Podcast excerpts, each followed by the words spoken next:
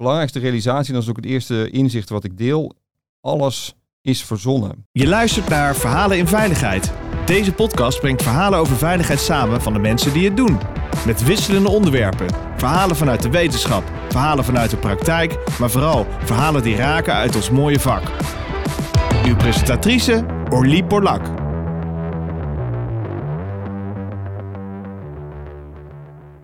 Welkom eh, luisteraars, het is weer tijd voor een hele mooie podcast. Ik zit vandaag in de studio met David van Valkenburg. Hij is al eerder bij mij te gast geweest, maar vandaag komt hij praten over zijn nieuwe boek. En voor wie hem nog niet kent, even een kleine introductie. David van Valkenburg is vader van drie kinderen. Ondernemer, vervent hardloper, facilitator en inspirator die bedrijven helpt met anders kijken naar werk, mensen en veiligheid. In zijn nieuwste boek heeft hij een persoonlijk verhaal opgeschreven dat hem inzichten heeft gegeven op diverse gebieden. En zijn boek heet Frisse blik, anders kijken naar dingen die normaal zijn geworden. David, welkom. Ja, dankjewel. Leuk om hier te zijn. Ja, iedereen wil natuurlijk gewoon meteen weten waarom dit boek en waarom een enorm persoonlijk verhaal. Ja, dat is, dat is de, de hamvraag dan inderdaad. Het is een uh, persoonlijke zoektocht geweest en daarom is het ook een heel persoonlijk verhaal denk ik geworden. En die zoektocht begint eigenlijk bij veiligheid. Ik ben het vakgebied ingestapt en toen uh, werd mij al gelijk duidelijk dat je op verschillende manieren kan kijken naar veiligheid. En die zoektocht bracht mij ook op organisaties, dat je eigenlijk daar eenzelfde, hetzelfde ziet. Dat je ook ziet dat er verschillende manieren naar organisaties kunt kijken. Ook organisaties die het anders doen en die niet vasthouden aan de klassieke modellen. En eigenlijk die zoektocht heeft zich steeds verder uitgebreid over de afgelopen jaren. En op een gegeven moment kwam er ook achter dat anders kijken voor mij een beetje de rode draad is in wat ik doe. En vervolgens kwam ik er ook achter van dat het dus op heel veel andere vlakken in het leven ook speelt en een rol speelt. En kan helpen om anders te kijken naar dingen die normaal zijn geworden. Want het zijn vooral die dingen die zo normaal zijn geworden dat je op een gegeven moment niet meer ter discussie stelt. En dat het lijkt alsof het vaststaat, terwijl er helemaal niks vaststaat.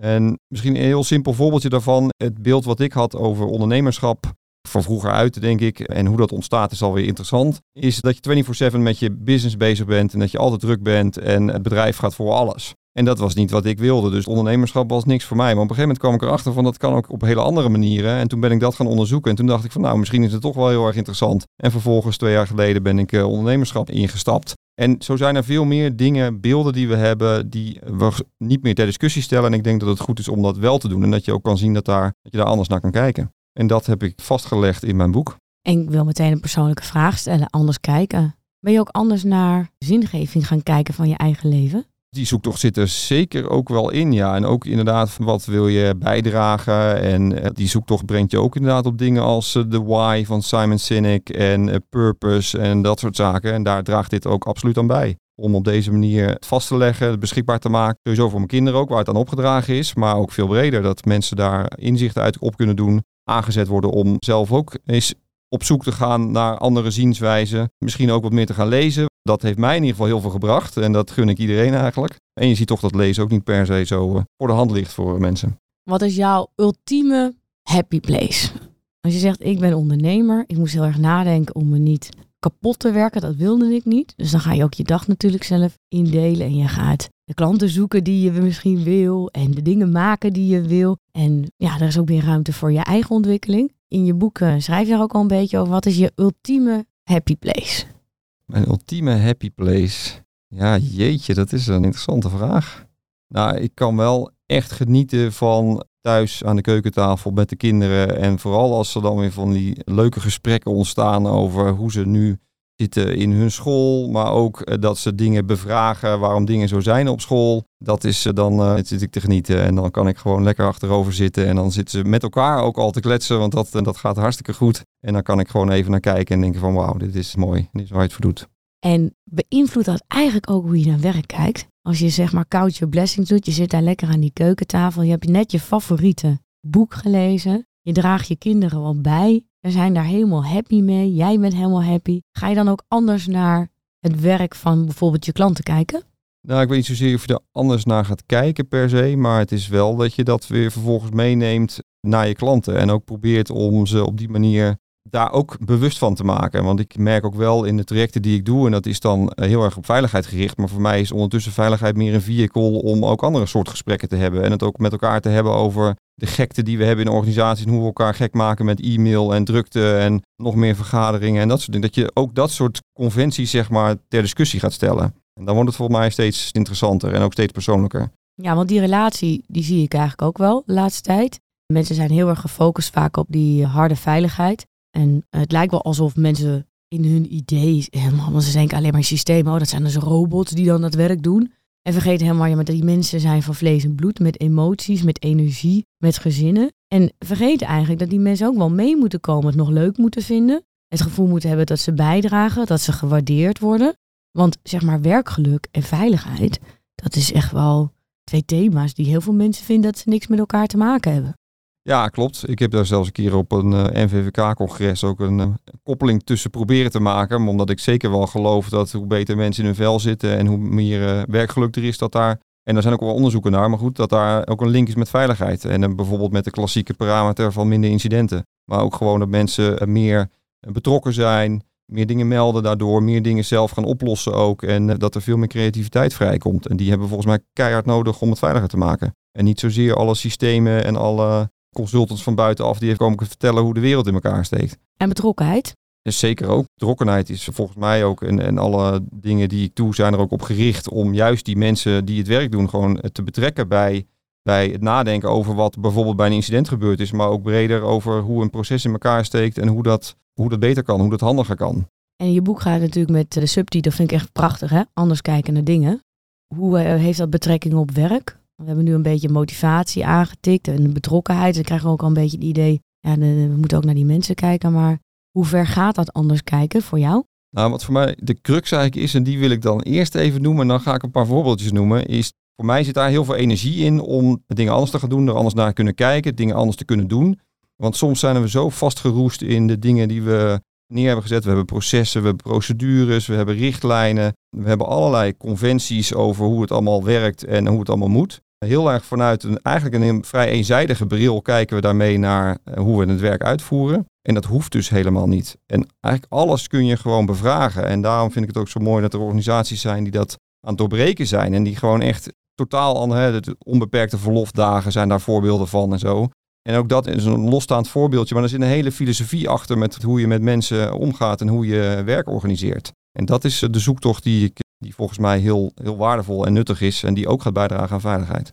En die ik herken. Er zijn eh, veel sociologen die van mening zijn dat niks betekenis heeft van zichzelf. Precies dat. Ja. En, en, dat mensen betekenis geven aan. En ook concepten.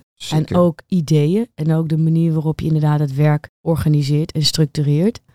Sommige mensen denken inderdaad dat het een soort harde science is. Net als de zwaartekracht. En vergeten inderdaad dat al die mensen die hebben bedacht dat je misschien op een anglo-saxische manier moet werken. Bijvoorbeeld. Die hebben bedacht dat alleen maar regels en procedures echte veiligheid kunnen garanderen. Die hebben bedacht dat elke week een auditor lang sturen, ja, dat is de manier om mensen in het gereel te krijgen.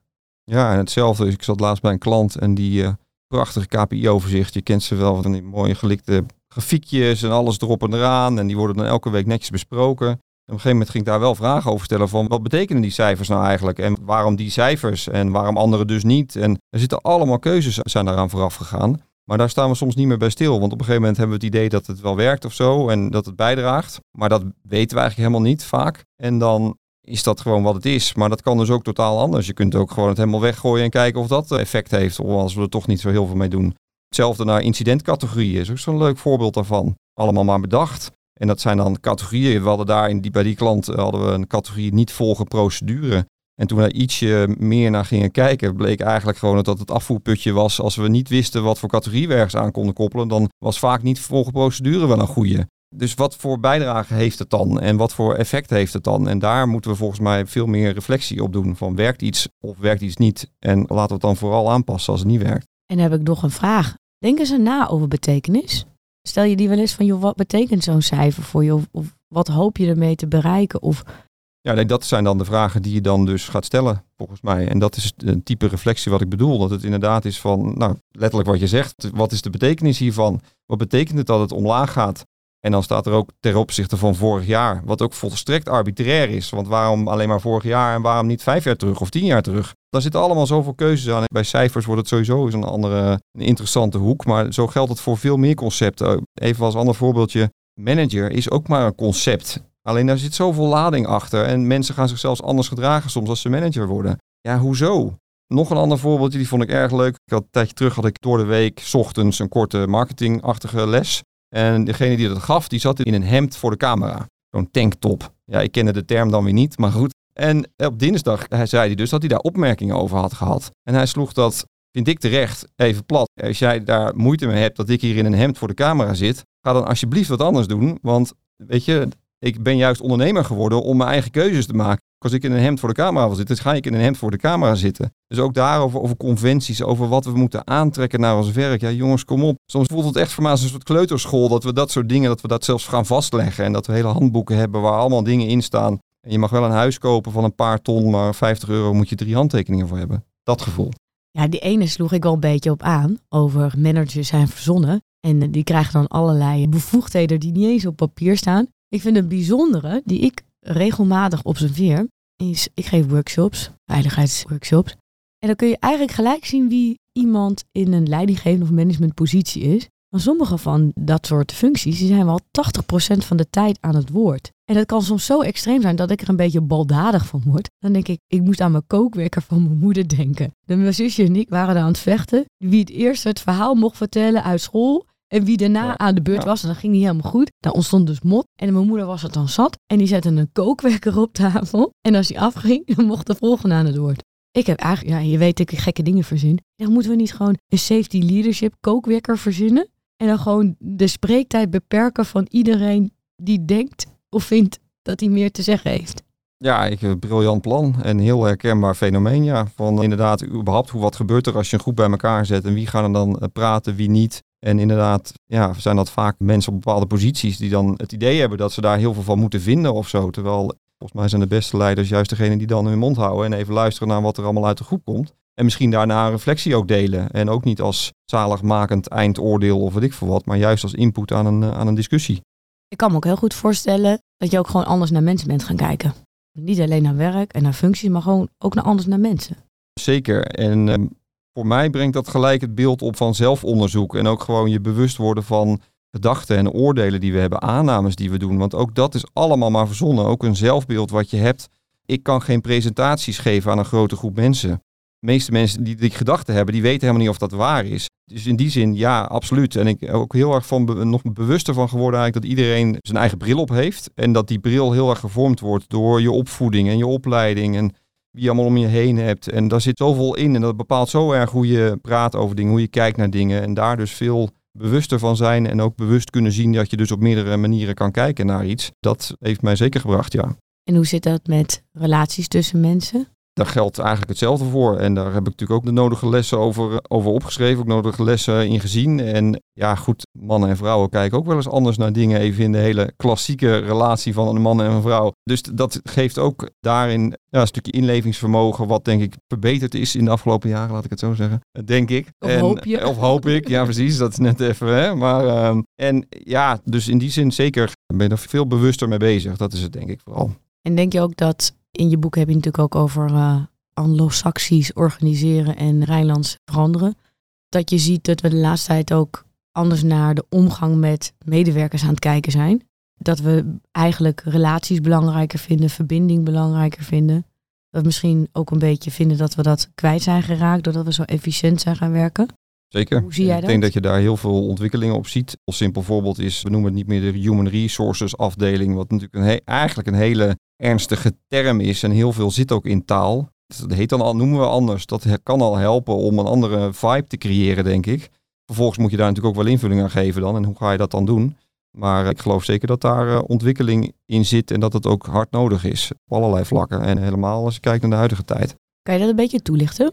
Want wat is zeg maar de negatieve connotatie wat jou betreft voor de term human resources? Nou ja, dan zit je heel erg in de hoek van het, mens is gewoon een productiemiddel. En eh, die kunnen we gewoon vervangen. En als er eentje uitvalt, zetten we er een nieuwe neer. Een beetje dat gevoel. En dat, terwijl inderdaad, nou, zoals jij al eerder zei, eh, straks wel een mens is ook iemand die heeft een relatie en heeft misschien kinderen en weet ik wat. Het is een persoon, het is geen, het is geen middel en dat geeft gewoon een andere, ja, dat kleurt anders in en dan ga je andere dingen doen en dan ben je ook veel meer bezig, denk met bijvoorbeeld complimenten geven, dat soort dingen en, en veel meer de waardering ook onderling en veel meer inderdaad die relatie bouwen en die verbinding bouwen in plaats van het alleen maar zien als jij moet dit doen en jij moet die klus klaren en dat is het, zeg maar. En als we naar de wereld kijken, want die is ook heel anders. Wat voor impact uh, zie je daarvan op anders kijken en anders werken, anders leven, anders denken? Wat ik zie is, ik heb laatst bijvoorbeeld het boek gelezen Omarm de chaos. Daar worden alle huidige crisis eigenlijk ook aan elkaar gekoppeld en hoe die ook allemaal met elkaar interacteren.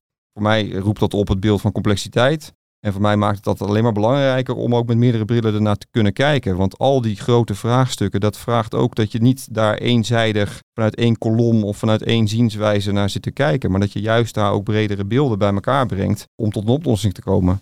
Dus ik denk dat het alleen maar harder nodig is. En denk je ook dat veiligheid en veilig werken complexer is geworden? Dat denk ik zeker. Ja, goed, zie je al als je een groep mensen bij elkaar eh, zet, hoeveel interacties dat al brengt.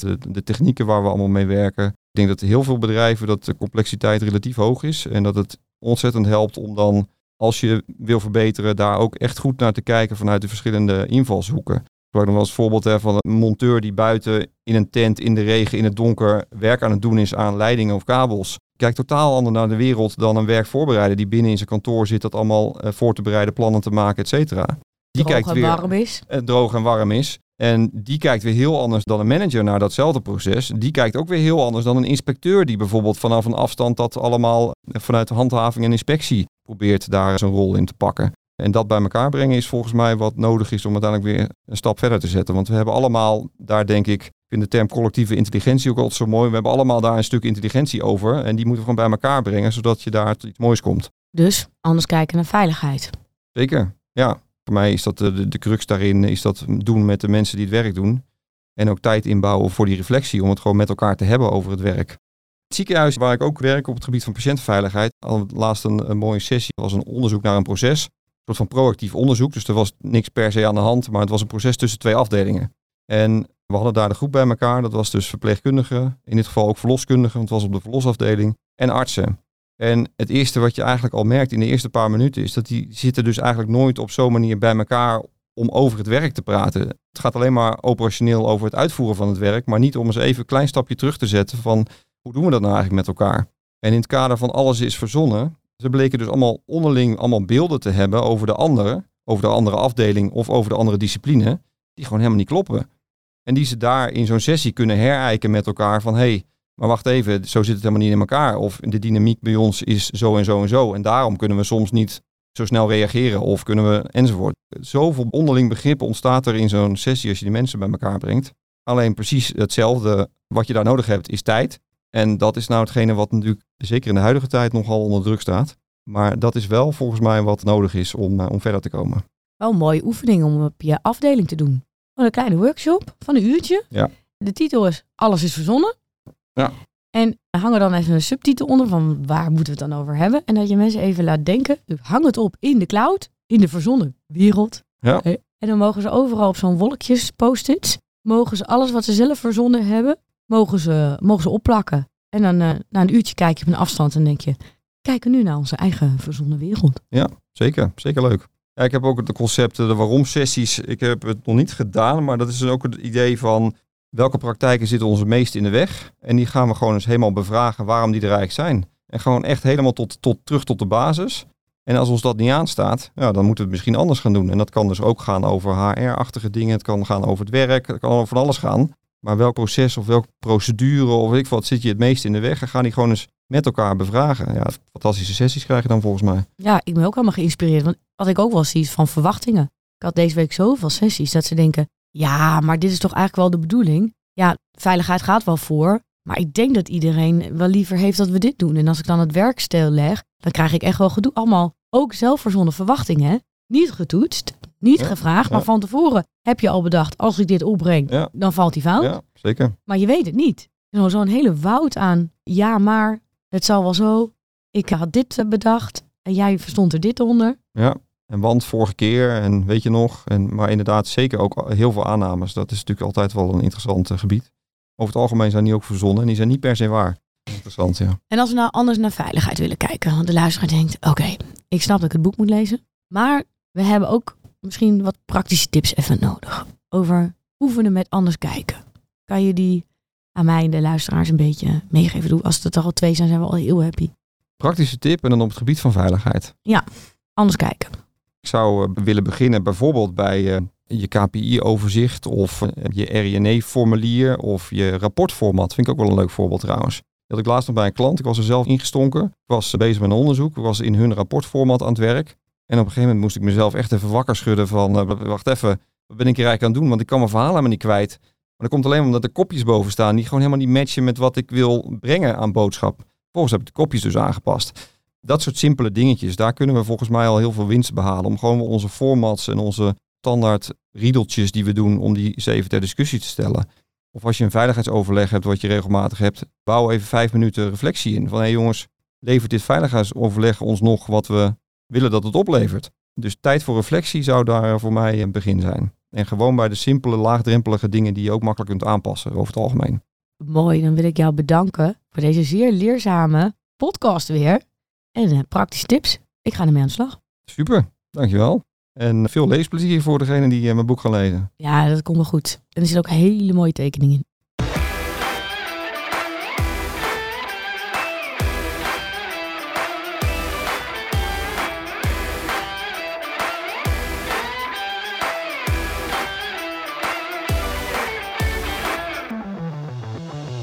Je luisterde naar Verhalen in Veiligheid. Wil je niks missen van deze podcast? Abonneer je dan op deze podcast in je favoriete podcastplatform. Of laat een recensie achter via Apple Podcast. Dank voor het luisteren. Graag tot de volgende.